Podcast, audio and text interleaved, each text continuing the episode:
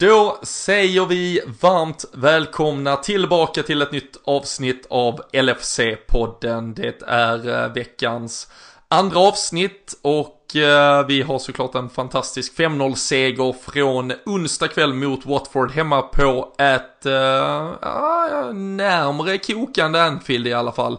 Det var verkligen en härlig stämning och det var ett Liverpool tillbaka på winning ways och till helgen väntar nu derby mot Everton. Det är såklart ett fullmatat avsnitt vi därmed har framför oss och eh, det ska vi se till att servera till er här idag.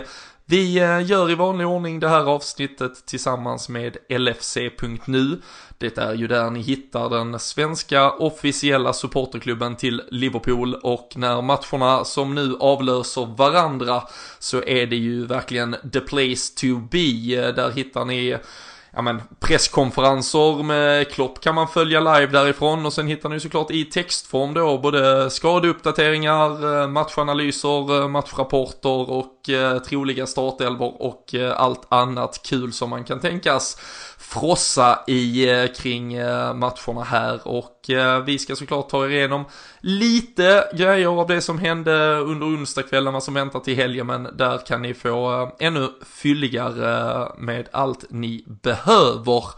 Vi eh, har eh, samlat eh, styrkor, vi har en formtoppad Kalle Sundqvist som har gjort två avsnitt på studs här. Och eh, efter att Christian Andersson har varit inne och vikarierat lite för mig så känns det kul att få vara tillbaka, kul att få ta tag i det här. Och alldeles strax så välkomnar jag Kalle in i värmen. Och så sätter vi tänderna i allt det trevliga som rör sig kring Liverpool just nu.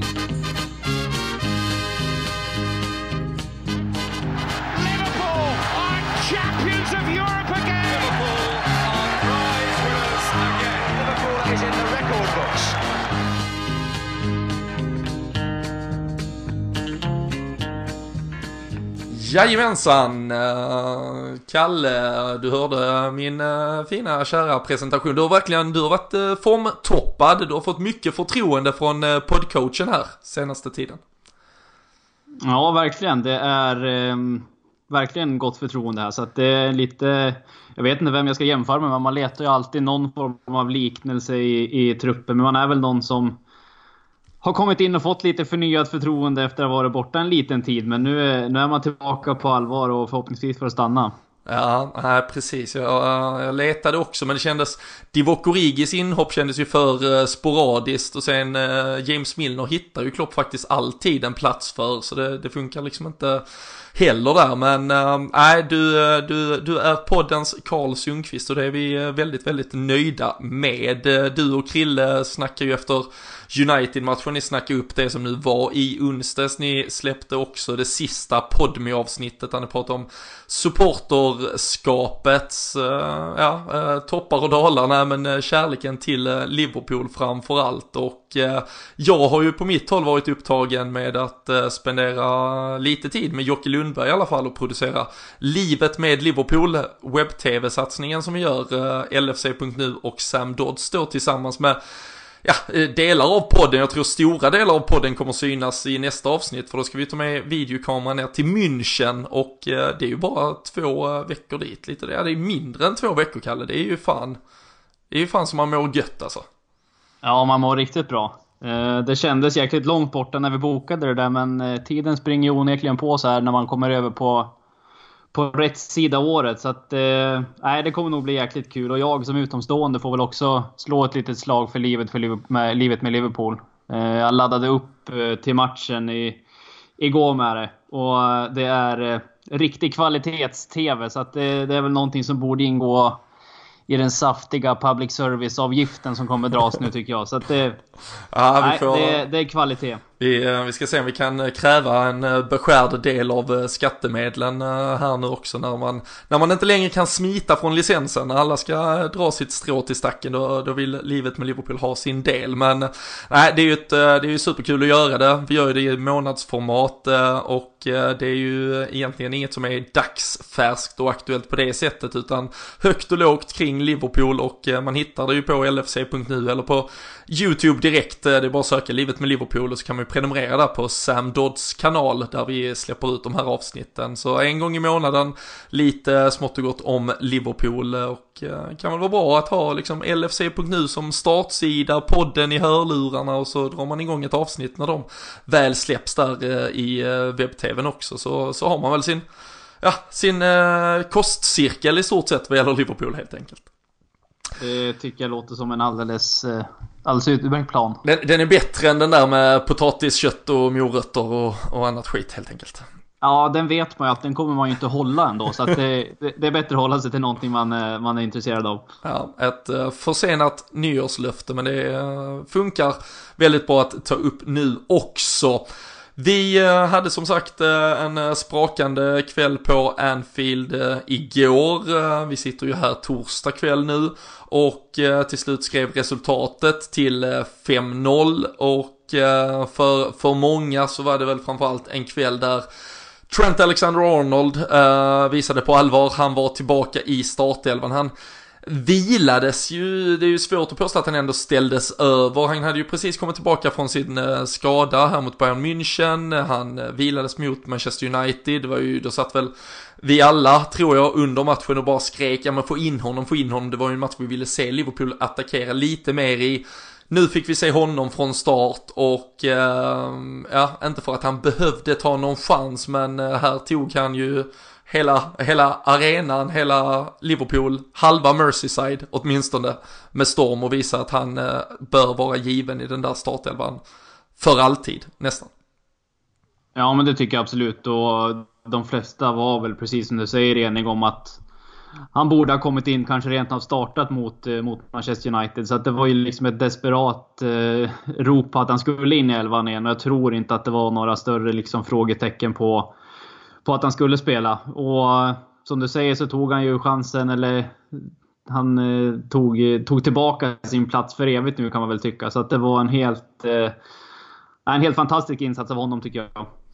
Och eh, han eh, ja, sätter ju verkligen ner foten, alltså rejält. Tre assist, det är ju visserligen, vi såg ju det faktiskt hända tidigare under säsongen. Det var ju Tottenhams högerbacksnamne med sin eh, förra konkurrent på högerbacksplatsen, Kyle Walker Peters då som eh, vikarierar där ibland, han gjorde ju det om det var kanske på boxing day, det var någon gång kring jul i alla fall, där jag vet att han noterades för tre assists, men med tanke på att Trent Alexander-Arnold är lite yngre så slår han bland annat på tal om sådana här eh, hittepå-rekord vi brukar kunna hitta här och där, yngste spelaren någonsin att göra tre assists i en Premier League-match. Och eh, ja, men hela vårt spel, vi har ju pratat väldigt mycket om att vi kanske vill se Mohamed Salah, vi ska prata om startelvan i övrigt sen, men det blir ändå att man, man blir så sugen på att sätta tänderna här i, i hela grejen med Trent såklart när han kommer in och, och spelar på det sättet som han gör.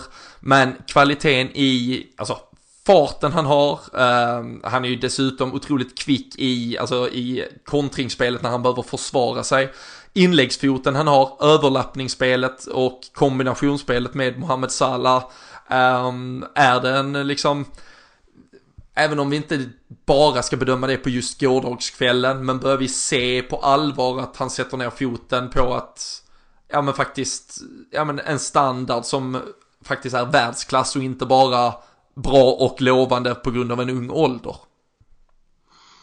Eh, ja, men det tycker jag absolut. Sen ska man ju givetvis vara försiktig med att liksom eh, sätta stämplar på att folk har, och spelare har blivit verkstadsspelare alldeles för tidigt. Men man tycker absolut att man kan se tendenser på att han, eh, han verkligen börjar bli den typen av spelare. Eh, jag tycker, eh, handen på hjärtat, utan att liksom eh, vara alldeles för färgad, att vi har kanske de två av de bästa ytterbackarna i ligan. Jag tycker Robertson är den som har visat eh, genomgående ända sedan han fick sin första chans egentligen och, och, tog den platsen. Och Trent börjar ta den sakta men säkert också. Så att eh, det sättet vi spelar på egentligen med offensiva ytterbackar så, så har jag ju svårt att liksom namedroppa någon annan jag skulle vilja se på någon av de kanterna. Och allra helst Trent Alexander-Arnold som numera får stå för den liksom lokala anknytningen och kärleken till klubben från, från barnsben. Så att att ha den typen av spelare i laget från Liverpool, vara så pass ung och ändå etablerad. Det, nej, det är nog någonting vi liksom måste passa på att njuta av. För att det, det är nog vår tids... Eh, jag ska inte säga vår tids Steven Gerrard, men alltså det är lite, lite de vibbarna det kommer bli. För att jag har svårt att se att han inte kommer utvecklas till att bli en av de absolut bästa ytterbackarna i världen. Det som är så, alltså, de, de, de la ut från eh, officiella eh, Twitterkontot där på Liverpool, eh, han, han hälsade ju till fansen liksom och, och tackade för stödet och det var kul att vara tillbaka och sådär. Det blir så otroligt fel när man har växt upp, man har växt upp med att höra liksom Carragher och Gerard prata scouse eh, och, de, men, och de förkroppsligar och framförallt Jamie Carragher kanske liksom de förkroppsligar så mycket schablonbilden av en scouser det blir fel när Trent Alexander-Arnold pratar scouse. Kan du hålla med om det?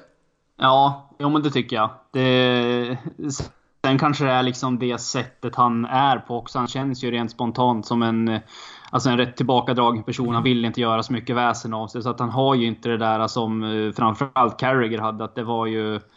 Eh, han hade ju liksom inga filter om man säger så. Eh, så att nej, det köper jag absolut. Han känns lite mer som... känslan är att han skulle ha varit någon spelare som kanske kommer från något, något Londonlag eller sådär och kom till Liverpool riktigt tidigt. Men så är det ju inte. Han är ju liksom scouser born and bred och han har kommit ända från, från början från de mm. egna leden. Så att vi får nog vänja oss vid, vid fler sådana där efter matchen eh, intervjuer och kärleksförklaringar till fansen. Ja. Med, med den härliga dialekten. Ja, precis. Och nu, nu sjungs det ju dessutom eh, på Anfield eh, om, eh, om denna scouser. Det tror jag han kommer vara väldigt stolt över. Och jag vet att du och Krille satt här förra avsnittet och pratade lite om poäng, eller framförallt liksom vad, vad det bidrar. Det var väl framförallt han och Salas kombinationsspel pratade ni om bland annat. Tittar man även poängmässigt i, alltså vad Liverpool som lag presterar med eller utan Trent Alexander-Arnold så, så tar vi alltså 2,5 poäng eh, i snitt per match när han spelar och bara 1,58 poäng i snitt per match när han inte spelar och det ger alltså en slut tabellutslaget på 38 matcher på antingen 95 poäng när vi har honom i laget och 60 poäng utan honom. Ehm, det är ju såklart Eh, nu en handfull matcher han har missat och det är ju liksom, kan väl alltid krävas lite mer statistiskt underlag. Um, tycker du att liksom, effekten på laget är så stor eller eh, är det någon eh, skön mix av att han såklart bidrar med lite men att han kanske har saknats i, om man säger, rätt eller fel matcher beroende på hur man tolkar det? Ja, alltså man ska väl kanske i grunden vara lite försiktig med att liksom dra för stora växlar av den typen av statistik. Men jag tycker alltså att det ligger absolut någonting i det. Han, han har ju ett spelsätt och liksom en eh, offensiv attityd som, som kommer skapa fler, liksom fler lägen och leda till fler chanser än eh, det uppenbara liksom alternativet att dra upp nu är ju Milner. Men tidigare har vi haft eh, liksom Klein och han, han hade liksom inte heller den här riktiga edgen offensivt tyckte jag. Det hände sällan någonting på, på hans kant. Så att jag tycker att det blir påtagligt varje gång Trent spelar att uh, offensiven kommer ju alltid gynnas av det. Sen, uh, sen uh, har han ju haft det liksom tufft defensivt i några matcher men...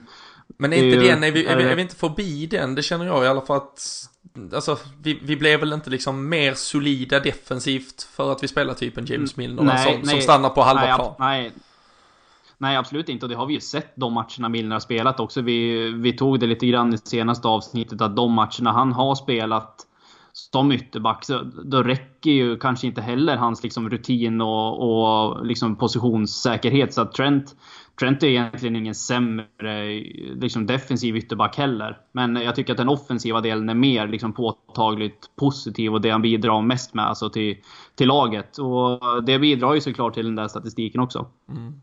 Nej, vi, eh, vi hamrar väl bara fast att han är en uh, jävla kung helt enkelt och vi är otroligt glada att ha honom tillbaka. Uh, tio otroligt viktiga Premier League-matcher som återstår och vi hoppas väl att han spelar alla då, så vi håller uppe det här eh, högsta möjliga poängsnittet och eh, det blir ju nästan bisarrt när man har en ytterback som gör eh, tre assist så självklart får eh, väldigt mycket cred för det. Och så har vi på andra kanten en, en ytterback som i, i det tysta gör en sådär, ja men eh, av, på sin egen skala egentligen bara högst godkänd match. För då prickar ändå Andy Robertson in två assist nu uppe på nio och eh, fortsätter, du, du nämnde det, men han, han fortsätter också bidra i, i, i, eh, ja, på absolut högsta nivå. Ja, absolut. Det är ju han, jag tycker Robertson är ännu mer påtagligt än Trent kanske. Att han är den verkliga liksom eh, etablerade liksom liga ytterbacken om man säger så. Jag tycker att han är också den bästa ytterbacken i ligan. Det låter ju som att man sitter här och är jävligt färgad men i ärlighetens namn tycker jag faktiskt inte det. Han har det defensiva, han har absolut den offensiva edgen och att han är den backen som har bidragit med flest flest assist. Så att eh, man kan väl dra någon form av liknelse lite grann till att det fanns en tid då Marcus Alonso i Chelsea också hyllades som mm. en helt fenomenal ytterback som bidrog med mycket poäng. Men Robertson har ju klivit förbi honom eh, både en och två gånger tycker jag. Så att, eh, och det var ju ofta han... ett poängspel från fasta situationer. Eh, liksom, han har jättefin vänsterfot. Marcus Alonso till exempel. Alltså i, på liggande boll i stort sett. Ja, precis. Men nu, det vi har nu egentligen, det är att båda ytterbackarna kan komma runt på varsin kant och, och liksom slå de här riktiga inläggen om man får säga det. Det, det är liksom kraft, det är liksom inga lyftningar inne i boxen utan det är riktiga inlägg eh, liksom med ja, alltså, hårt, hårt och precision. Alltså, det finns inte någonting att klaga på någon av dem. Nej, alltså Trents inlägg till 1-0 målet är ju, alltså är, han, han smäller ju dit bollen liksom. Det är ju inte att han försöker sikta på det utan han, han vet att sätter han denna med full kraft så kommer den ändå landa i perfekt nickläge och sen handlar det bara om att Sadio Mané ser till att vara på sin plats helt enkelt. Och det, det var han ju och eh, nej det är ju eh, verkligen en, en fröjd att se så att eh, det är väl kan tänka mig att den objektive skulle argumentera för en Benjamin Mendy som då dock är skadad eh, i stort sett hela tiden. Han var ju det förra säsongen och han var ju det, har ju faktiskt varit i stort sett den. Han är ju nyss tillbaka från skada och sitter på bänken för Manchester City nu liksom och, och ska väl uh, kanske kunna vara en del av säsongen här på sluttampen och på högerbacksplatsen till att utmana Trent så blir, blir det ju också ganska svårt. En, en Kieran Trippier är ju den som gick före i ett landslag i somras liksom och det bör han Han gjorde ju också mål igår. Han gjorde också mål igår ja precis. Uh, snyggt uh, passerade han uh, Hugo Lloris.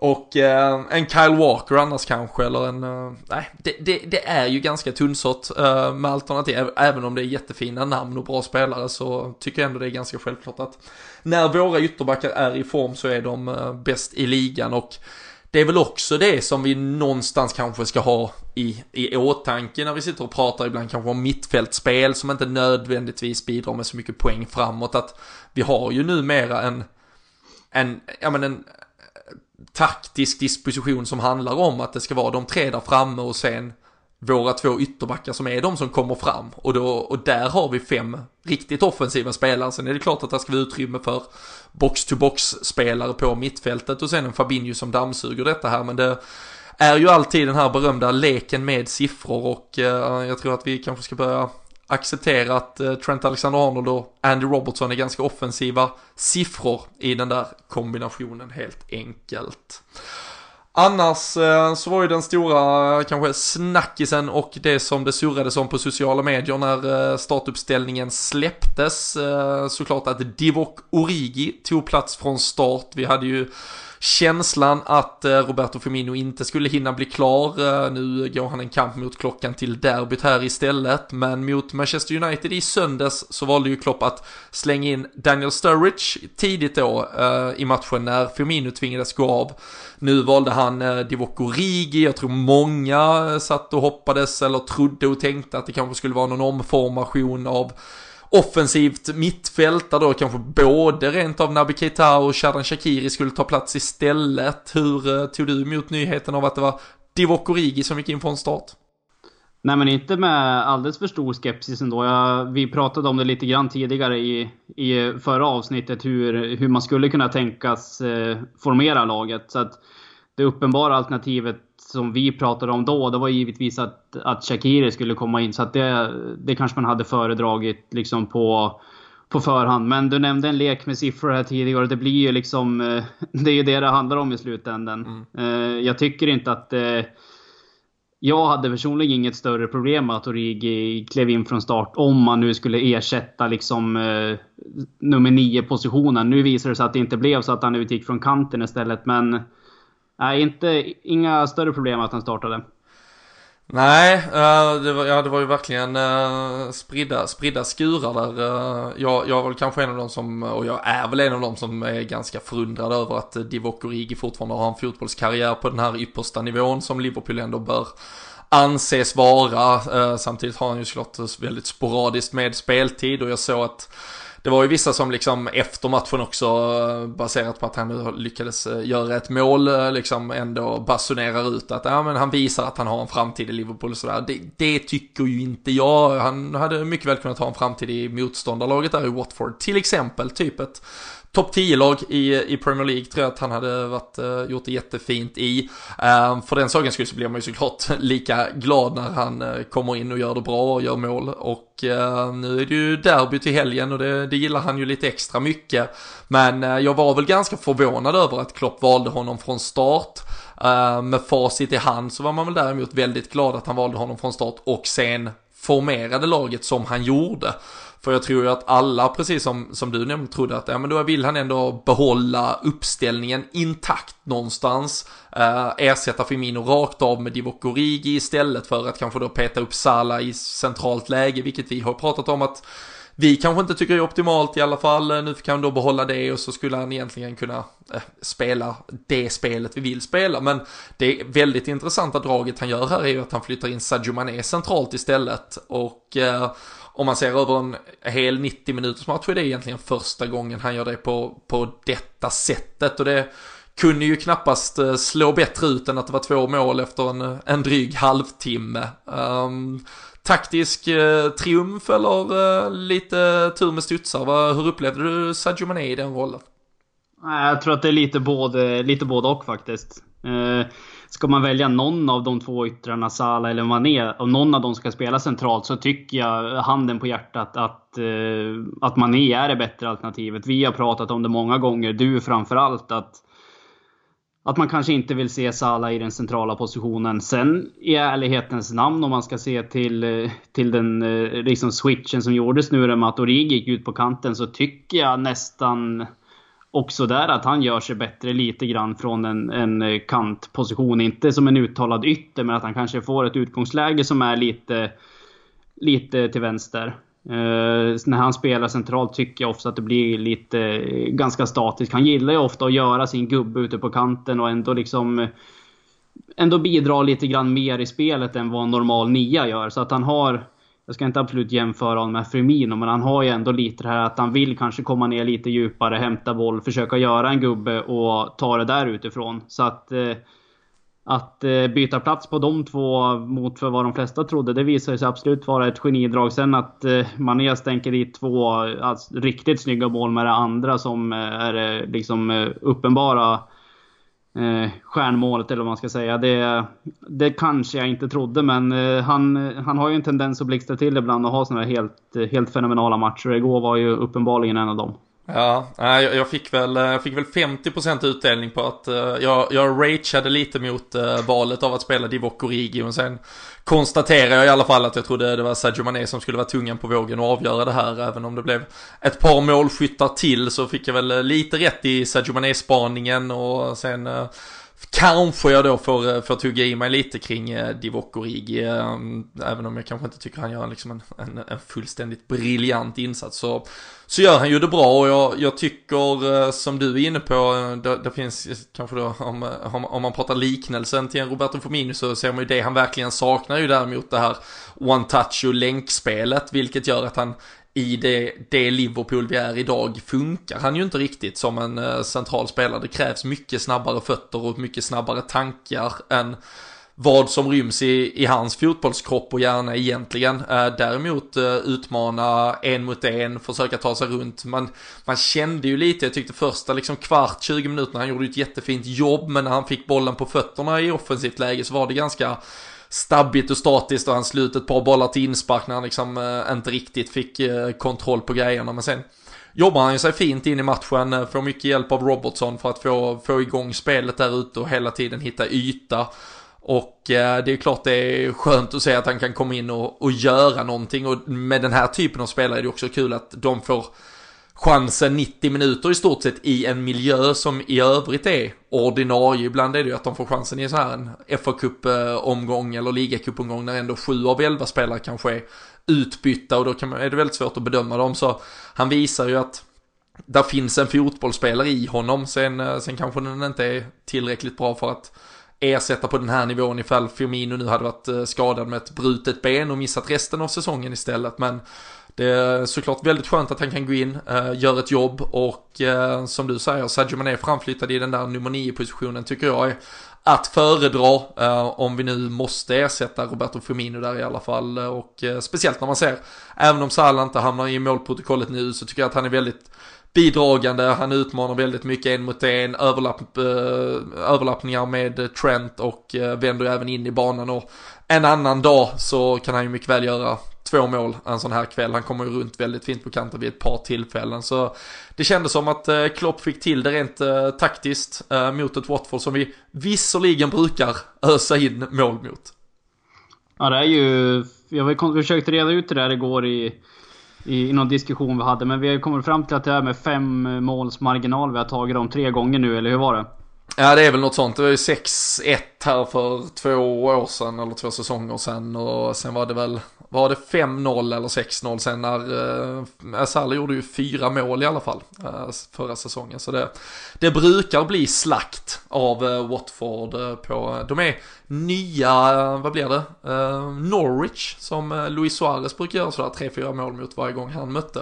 Eh, även om Salah då gick eh, mållös just nu så kunde vi som lag i alla fall pulverisera dem eh, rejält. Eh, en spelare jag tyckte annars gjorde en eh, helt fenomenal match, jag vet inte om du håller med, men Fabinho som tog den här lilla Barcelona uppstickande näsan från Delofeo, packade ner i fickan och det gladde ju såklart publiken lite extra med tanke på hans förflutna i Everton. Ja, eh jag vet inte heller vad man ska säga. Det känns som att eh, det, det, finns ju många spelare man vill lyfta fram nu, men framförallt eh, Mané, Trent och sen Sen kommer ju van Dijk upp och gör två mål. Han har väl kanske inte någon liksom så här eh, outstanding match egentligen, men det, det blir ju någon form av, av fint avslut ändå med två mål. Men eh, ska man lyfta fram tre absoluta nyckelspelare i matchen så är det ju Trent, Mané och kanske framförallt Fabinho. Jag tycker att han står för, framförallt hans första halvlek tyckte jag var helt fenomenal. Han, eh, han sätter inte en fot fel då. Han, han har väl eh, liksom alldeles för många år för sent lyckats eh, ersätta Mascherano som vi har gjort så många försök på egentligen att ersätta. Men det, det är ett helt annat lag tycker jag när Fabinho kommer in. Nu ska man liksom se honom kanske mer som en en sexa i vad det gäller det positionsspelet och jämfört med Henderson. Men i den positionen tycker jag att han gör sig eh, helt fantastisk. Han har ju den spelstilen också som vill vara fysisk, vill liksom vinna mycket boll och sätta igång spelet. Så att... Nej, jag, jag hittar eh, absolut ingenting negativt att säga om Fabinho från matchen igår och en av de absolut bästa på planen. Mm tror det var Paul, Paul Joyce, eh, lokaljournalisten som satte, satte ord på det. Det var, det var som en man mot en pojke i sättet han liksom återerövrade boll hela tiden. Stack väl ut eh, mest i, i första halvlek, där var det ju verkligen två, tre löpdueller mot eh, fram, framförallt där Delofeu eh, som försökte komma igenom på lite kontringsspel där Fabinho med sina långa brasilianska kliv, eh, liksom ganska lätt nästan, eh, ser ut som han lunka i kapp, sätter en skuldra, tar bollen och så kan vi starta ett nytt anfall istället. Det var, det var verkligen eh, det där defensiva mittfältspelet på absolut yttersta nivå. Det är väl sådär en 8-9 år senare så, så har vi äntligen ersatt Javier Mascherano som du säger och det är väl inte en dag för sent eh, helt enkelt. Eh, du nämnde van Dijk som såklart kröner en, en, en, insats med två mål, vilket eh, gör att han ändå stjäl rubrikerna även i mittbacksparet. Men vi fick en fråga här, eller en kommentar från Dennis Johansson såg jag, lite cred till Matip.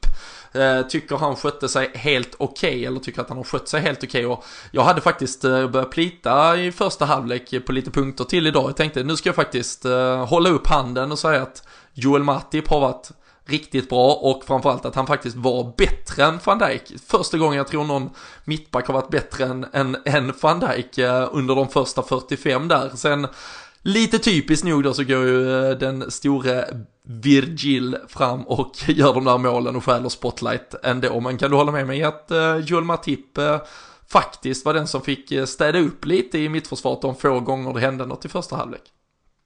Ja, det, det tycker jag absolut att Eh, han, det är väl många som har efterfrågat det egentligen, att han kanske borde förtjäna lite mer beröm än vad han får. Det han är ju ofta liksom kritiserad för att han är stapplig och, och, och hela den biten. Men jag tycker nu med tiden när han har, liksom har blivit lite mer etablerad och tagit sin position i laget. Eh, av uppenbara skäl att det inte finns så många andra eh, mittbackar att spela. Men det känns som att han har fått jobba in sig i den positionen tillsammans med van Dijk och de har ändå liksom börjat synka lite grann också. Så att det, det, har varit svårt för honom tidigare kan jag tänka mig. Att han har fått kommit in och gjort någon match där mellanåt och inte liksom aldrig riktigt varit i matchform egentligen. Jag tycker nu med tiden att han, har, att han har jobbat upp sig till en nivå som, som vi kanske inte har sett av honom tidigare. Han framstod ju när han kom som en bra back egentligen. Då, då hade han ju inte liksom en van Dijk bredvid sig som det gick att jämföra med.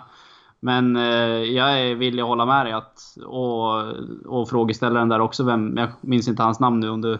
Det var Dennis. Det var Dennis. Till honom. Att, nej, jag håller med Dennis helt enkelt. Så att, eh, helt okej okay tycker jag var lite i underkant. Jag tyckte Matip var, var bra igår. Och mm. man får väl passa på att betona bra när man när man nämner det med honom för att man har inte fått gjort det så många gånger tidigare. Ja.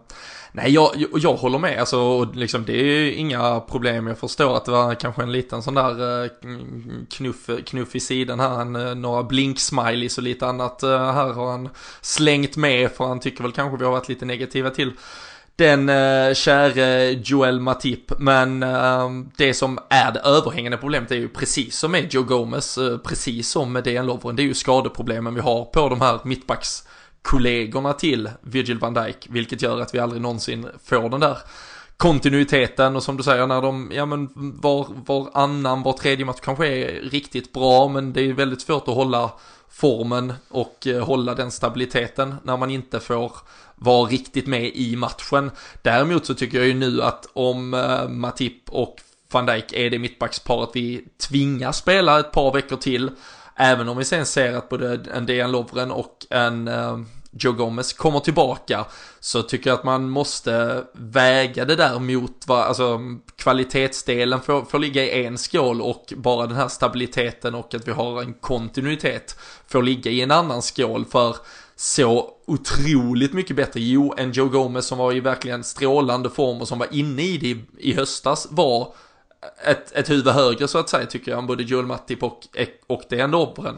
Men det är absolut inte nödvändigt att han kommer vara det om han ska komma in bara för att spela de fyra, fem sista ligamatcherna. Så där eh, tror jag att eh, Klopp, eh, vi ska nog inte kalla det huvudbry, men jag tror att vi alla får bort sig lite från vem som eventuellt är bäst på ett papper så att säga. Och jag tror att Klopp kommer att tänka vilket mittbackspar som eventuellt liksom ser ut att hitta en kemi och fungera tillsammans nu och om det är van Dijk och Matip så tror jag han mycket väl kan tänka sig att spela det säsongen ut. Eh, om, eh, om vi börjar tugga på nu så som vi önskar och hoppas eh, på de här endast tio kvarvarande Premier League-matcherna. Så ja, vi får väl få, hoppas att vi får återkomma till Matip och mer cred till honom helt enkelt. Melker Falknäs slänger däremot in frågan också om vi hade gift oss med van Dijk. Det hade han gjort i alla fall. Är du beredd att sätta dig på knä, Kalle? Ja, nej, det kanske jag inte skulle göra. Men jag skulle nog inte ha allt för mycket emot att bli väldigt bra kompis med honom. Jag trodde du skulle säga eller att gifta bort min sambo till honom. Det hade inte varit, det hade varit okej. Okay. Nej, det tror jag faktiskt inte heller. Men nej. Eh, nej, men eh, väldigt bra kompis skulle jag nog eh, gärna vilja bli med honom. För han verkar vara... Nej, han, eh, han verkar vara lika bra på sidan av planen som han är på planen. Så att... Och, och, jag förstår ju såklart tanken med, med frågan också, att det är bara liksom inse hur, hur jäkla bra han är egentligen. Och det var någon gång under matchen igår där han gjorde något snedsteg, slog någon felpass egentligen. Det var nästan så att kommentatorerna blev lite chockade liksom att ja, han är han är mänsklig ändå eller något sånt där uttalar de sig. Och det, man har blivit väldigt bortskämd med att det inte det är inte ofta man får se no, liksom, någon form av felpass eller någon felbeslut överhuvudtaget. Ja, man, vet att det, det, man vet att det är hög nivå när de eh, efter ett år i Liverpool-tröjan konstaterar att fan han är mänsklig den jäveln. Då, då har man hållit en ganska hög nivå och eh, ovan eh, tvåmålsskytt såklart. Han fick upp eh, två fingrar lite snyggt eh, för att visa oj, oj, två mål. Peace-tecknet som eh, det blev och eh, tyckte det var lite komiskt hur chockad han i stort sett såg ut över att noteras i målprotokollet där en andra gång. Men det är ju ganska kul faktiskt att det var just de tre målskyttarna som det var igår. För kan du minnas vilka de tre senaste att avgöra derbyn mot Everton är i den röda Liverpool-tröjan? Det var ju just de tre. Precis. Och alla är egentligen väldigt sent i matcherna också om jag inte är helt, eh, helt ute och cyklar. Både Mané och Riga är ju på tilläggstid och van Dijk var väl också rätt sent i matchen om jag inte missminner mig. Ska vi vara transparenta med att vi inte kollar upp det och så gissar vi på 86 minuten kanske? 85? Och, ja, uh, ja, jag köper det. Något, de, andra, något... de andra två var tilläggstid i alla fall. Så och var det ju. Det det har väl blivit eh, liksom, det har väl blivit stora grejer av det också. Eh, Origa är väl det uppenbara. Det uppenbara, det som ligger alla färskat i minnet. Ja, nej, verkligen och eh, kan ju tänka mig att uh, ja, Everton-publiken bara av uh, uppsynen av att se Divock Origi kommer de börja må lite halvdåligt. Eh, det är ju ett... Ja, de, har ju eh, börjat, de har ju börjat skramla lite grann nu i sociala medier att de ska ha tidig uppsamling inför matchen och nu jävlar är det derby och vi ska sätta stopp. Så att eh, de bedriver väl någon form av kampanj här nu. Först så gör de en jävla läggmatch mot, mot City och nu ska de samla samla allt de har för att sätta stopp för Liverpool till helgen också. Så att det kan de nog göra ett gott försök med tycker jag. Ja, men de har ju samtidigt också en eh, nionde plats att försvara i ligan, så det måste du ha förståelse för, Kalle. Och eh, efter en eh, storslagen seger i tisdags kväll mot Cardiff, som är ett av ligans absolut sämsta lag, så är ju de också tillbaka på winning ways efter att de hade förlorat tre raka matcher mot just Watford som vi mötte nu, och innan dess då Manchester City och Wolverhampton. och eh, vill det sig illa här. Alltså de är ju farligt nära en liksom 12-13 plats sådär och har ju sannerligen sannoliken inte rosat marknaden. Och eh, även om de inte har något att spela för så som du säger så spelar de ju minst lika mycket för att förstöra vår säsong. Och eh, jag vet inte vad hur tror du kring det ingångsvärdet? Att eh, liksom ha kan, kan, man gå in i en match och bara, kan man, kan man få ner det på spelarnivå att eh, den är viktig av den anledningen, tror du? När den moderna fotbollen ser ut som den gör? Nej, jag tror faktiskt inte det. Eh, jag tänkte faktiskt på det, eh, jag nämnde matchen mot, mot City här tidigare, men givetvis lite ironi att det var en, att det var en läggmatch. Men tanken var då att liksom när man ställer ut ett sånt pass svagt lag att det, det sänder ändå fel signaler tycker jag att eh, och, och likväl om de skulle gå in för den här matchen att bara förstöra för Liverpool. Det är inte det Everton spelar fotboll för. Det är inte det de spelarna är där för. De är ju där för att de vill vinna för Everton och i bästa möjliga mån för vissa av dem kanske slå igenom och, och gå vidare till ännu större klubbar. Så att, att eh, den eh, taktiken ska bedrivas, att man bara ska sätta stopp för någon lokal rival. Det, det är klart att de gärna vill göra det, men jag tror inte att det är liksom deras huvudfokus när de går in, när de går in till matchen. Det tror jag inte. Nej, och, och, som du säger, det, det, är ju verkligen att Präntan, alltså jag förstår, de ska, ju, de ska ju ta derbyt för vad det är, alltså de ska ju sätta såklart all prestige och stolthet i att försöka vinna derbyt och det utgår jag ifrån att de gör, men det blir ju någonstans att förminska sig själv otroligt mycket som fotbollsklubb ifall de skulle till exempel fira ett kryss, alltså i, på, på liksom sanslösa, alltså helt oproportionerliga grunder för av det konstaterandet att de har eventuellt då hindrat oss lite i en titeljakt medan de själv kanske om det går som det eventuellt kan gå för vissa lag runt omkring samtidigt hoppar ner liksom två, tre pinnhål i tabellen. Ehm, det, det blir ju liksom nästan parodi och eh, en Marcus Silva som inte har imponerat alls med, med sitt Everton här kommer ju det är ju inte, det är inte så att han räddar säsongen genom att vinna mot Liverpool nu här utan eh, det är ju något väldigt mycket större som behövs för lagets del och, eh, och för hans del. Men eh, det är ju kul att fansen försöker trissa upp det till en match som ja, betyder något för båda även om den egentligen bara faktiskt betyder någonting för oss. Och och eh, den stora eh, ja, truppmässiga frågan är ju såklart formen eller eh, vad ska vi säga den fysiska formen på Roberto Firmino. Um, annars uh, fick vi fråga direkt såklart uh, av Johan Lundberg här ifall det var Origi som ska starta i derbyt annars. Uh, jag antar att han i alla fall menar annars, han skriver bara om han ska starta. Men är Roberto Firmino tillbaka kan vi väl utgå från att han absolut inte kommer att göra det. Men om vi ponerar att brasilianaren endast kan sitta på bänken eller inte kommer till spel alls. Vilka eh, taktiska tankar eh, kommer Klopp eh, tvingas stå ut med tror du? Jag tror att om vi, ut, precis som du säger, om vi utgår från att Firmino inte är aktuell så tror jag inte att vi kommer starta med, med samma, samma lag igen. Jag tror inte att Origi startar till exempel, även fast han givetvis var bra mot Everton. Och nu gjorde han ju mål igår också, men jag, jag, tror inte han startar. I övrigt så tror jag att vi kan starta med någorlunda liknande lag. Eh, det uppenbara alternativet till att ersätta Origi tycker jag skulle kunna vara att ha, att sätta in Shakiri. Eh, jag tror inte heller att Milner startar, utan jag tror att han kommer vilja spela innan Jordan Henderson i, i ett derby. Eh, ett scenario man skulle vilja se, om man verkligen vill se kreativiteten flöda, så är att, att Keita går in istället för honom. Eh, på mitten. Men ska vi spela med Shakiri så har jag ytterst svårt att se att vi ska spela med Keita också. Han har ju eh, spelat, eh, det var väl eh, Wolves i den där ganska tragiska fa Cup-kvällen jag tror vi har sett vid något annat tillfälle, sporadiskt i alla fall, där han har spelat Keita som en faktiskt lite vänsterytteraktig i, i ja, den där trean om man säger så, eller i en 4-2-3-1. Det skulle ju kunna vara lite frestande om man nu tycker att Sadio Mané gjorde det så pass bra i den liksom nummer 9-rollen, att man hade kunnat spela Sala eh, till höger, Mané längst fram, Keita lite vänster, Shakiri som en tia och så Gini Wijnaldum och eh, Fabinho på ett sittande mittfält.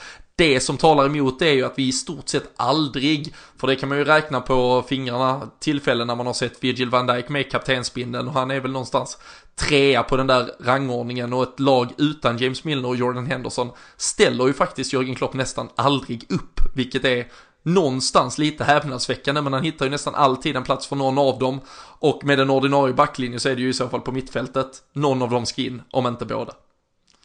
Nej, absolut. Och det, det, är lite så jag tänker också. Jag tror, jag är tämligen säker på att han kommer spela Henderson eh, från start.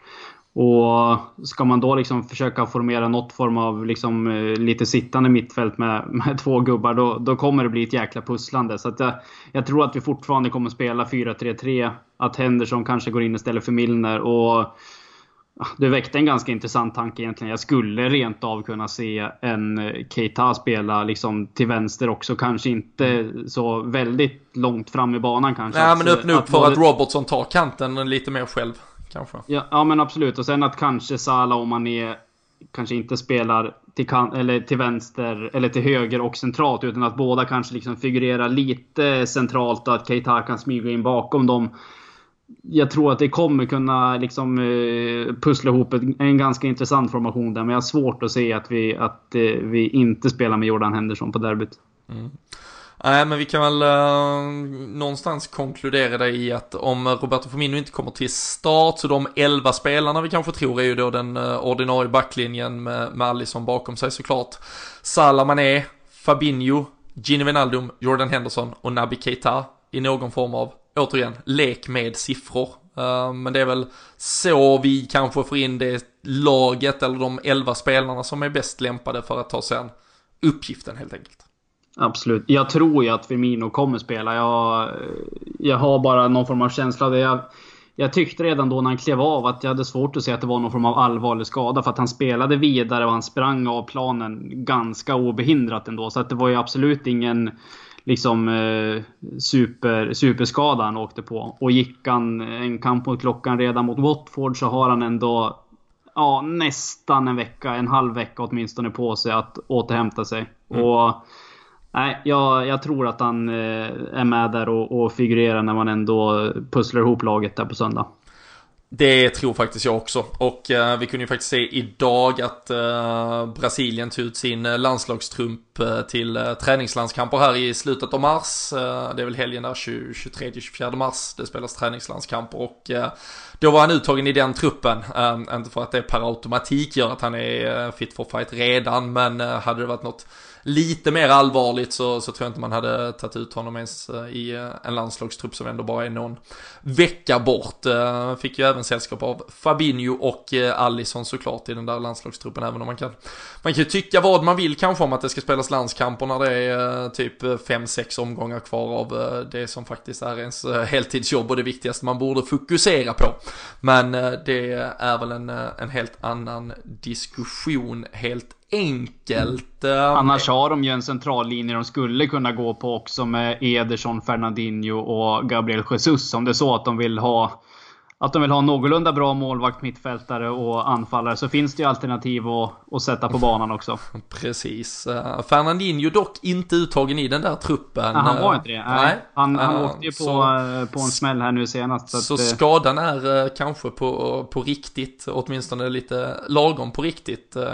vad säger jag? Guardiola har ju pratat om att han räknar med att han är borta även i helgen och även eh, nästa vecka. Ehm, sen är han väl avstängd i deras eh, Champions League-retur, så det var väl mitten av mars eh, tidigast han räknar med att ha honom tillbaka, eller då efter det där landslagsuppehållet. Och vi vet ju att det var just utan Fernandinho de tappade lite poäng i vintras och de imponerar ju inte kanske jättemycket i sin 1-0-seger här med ett straffmål mot West Ham. Så det är upplagt för intensivt head-to-head race mellan Manchester City och Liverpool. Manchester City möter ju Bournemouth på lördag innan vi då går upp i derbydrabbning till helg eller på söndag eftermiddagen sen då och eh, vad känner vi i det här liksom väldigt eh, någonstans ändå formsvag Everton och famlande efter en spelidé och det har varit ganska varierade startelvor som hela tiden har fått laboreras och efter att en Richarlison kanske inledde säsongen jättefint så har väl han någonstans svalnat lite. Gylvi Sigurdsson är väl kanske den som lyfter upp Everton till någon form av nivå till och från. Men eh, vad tycker du att vi, behöver vi vara rädda för någonting? Behöver vi anpassa vår gameplan eller handlar det om att gå in och vara, var Liverpool snarare än vad vi kanske då fegade ur lite på mot Manchester United förra helgen? Nej, rädda tycker jag absolut inte att vi ska vara. Jag har svårt att liksom se att Everton ska gå till matchen för att liksom köra full fart framåt från första sekund egentligen för att vinna matchen. Eh, när vi mötte dem senast så, så var det väl inte heller riktigt eh, den typen av match vi fick se. De hade nästan Richarlison ensam offensivt och sen eh, fick de bollen så var det liksom upp på honom som gällde. Så att, jag har svårt att se någon annan matchbild att Liverpool verkligen ska hålla i taktpinnen i, ja, i stort sett 90 minuter och styra matchen. Sen eh, är frågan om, eh, om vi kommer få några liksom, eh, problem med att bryta oss igenom ett, ett lågt sittande Everton. Men det är svårt ändå att måla upp någon form av matchbild. Jag tycker att eh, ganska många derbyn i rad nu har varit ganska tråkiga att titta på. Det har inte liksom varit några sådana här blixtrande, blixtrande matcher. Men eh, rädda tycker jag absolut inte att vi ska vara. Nej, det är en otroligt försiktig, eh, liksom, kanske liksom, vi ser ju såklart eh, förstå vilket humör Everton går ut på den här. Vi får se om det blir den där uppiskade läktarstämningen som de i alla fall försöker bygga upp och då är det ju snarare läge att utnyttja den ifall Everton liksom går fullt ut i en offensiv naivitet som de inte kommer kunna, kunna kontrollera. De har ju haft ett väldigt svajigt försvarsspel. Eh, de har släppt in alltså 39 mål den här säsongen och det är ju de världens bästa målvakt i Pickford och det köps ju backar till, till höger och vänster här och en Idrissa Ganagay som ska vara världens bästa defensiva mittfältare också så där finns ju uppenbara brister som vi kan utnyttja och eh, det känns ju som att eh, det nästan skulle passa oss bättre ifall Everton kommer ut och vill göra match av detta än om de, som du nämnde, alltså kommer ut så fega och försiktiga som de var på Anfield. Då krympte de ju mest ytor och, och låg otroligt rätt och djupt i positionerna. Så eh, vi kanske ska hjälpa till och trycka upp lite banners och allt möjligt på att fansen ska ja, få, få fart på laget. För det kanske bara passar oss, eller vad tror du? Ja, det tror jag absolut. Eh, jag är däremot rädd för att det inte kommer bli så. Jag tror att Everton, de kommer nog gå för att få med sig en poäng i matchen. Och på det sättet även liksom på något sätt sätta stopp för Liverpool. Jag tror att fansen är nöjda med, med ett kryss på hemmaplan mot, mot Liverpool.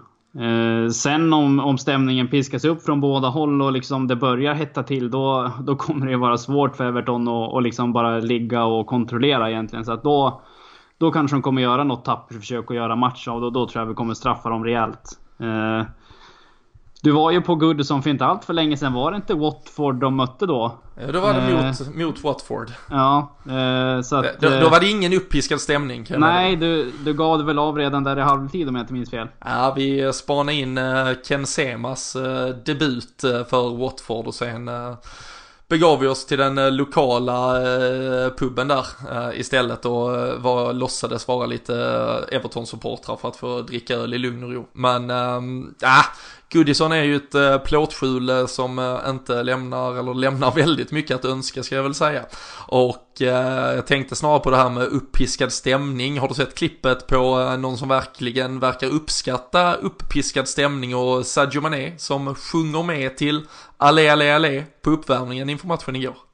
Nej, det måste jag missat. Nej, nu ska vi se till att det kommer ut i våra sociala medier. Jag retweetar det här nu medan vi sitter och spelar in så det, så det kommer ut. Eh, det är ju eh, det är helt fantastiskt härligt att se hur det faktiskt sprider sig från läktarna ner till spelarna. Han eh, ska göra en sån här liten uh, rush med Salah på uppvärmningen och så kommer han liksom nerlunkades mot fansen och hör att de tar i till allé, allé, allé. Då sjunger han med innan han sticker iväg. Det eh, är svårt att inte älska Sadio Mané just nu och han fortsätter ju vara 1-0 målskytt och han fortsätter vara en eh, väldigt, väldigt viktig del för eh, detta Liverpool här under sluttampen av säsongen som det faktiskt har blivit. Eh, resultatmässigt Kalle så eh, är det ju eh, din, din uppgift här bredvid mig att trots allt försöka blanda magkänsla och förnuft i en härlig mix och försöka reda ut för alla som är nervösa inför helgen att det här ska vara lugn och ro och en säker seger.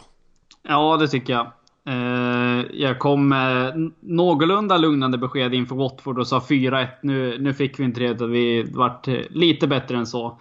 Jag tror inte att vi kommer få se samma, samma målkalas i helgen, för att det, det är inte den typen av match. Eh, jag tror inte heller att vi går därifrån utan tre poäng, så att... Nej, jag tror att vi vinner med 2-1.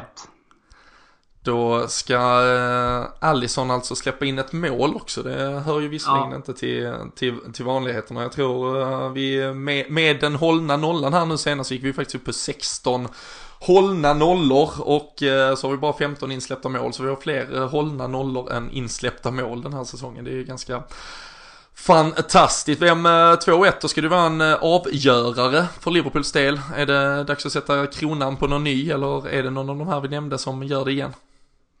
Nej, det är den, eh, den uppgiften tror jag Joel Matip fixar på någon eh, hörna. Tror jag faktiskt. Ja, vilken, ni hör här kan, eh, kan man bli miljonär inför eh, stundande vår och eventuella sommarsemestrar kanske. 2-1 Liverpool med Joel Matip som eh, sista målskytt. Det låter ju nästan för bra för att vara sant, men vi tar det gärna. Jag säger 2-0 till Liverpool.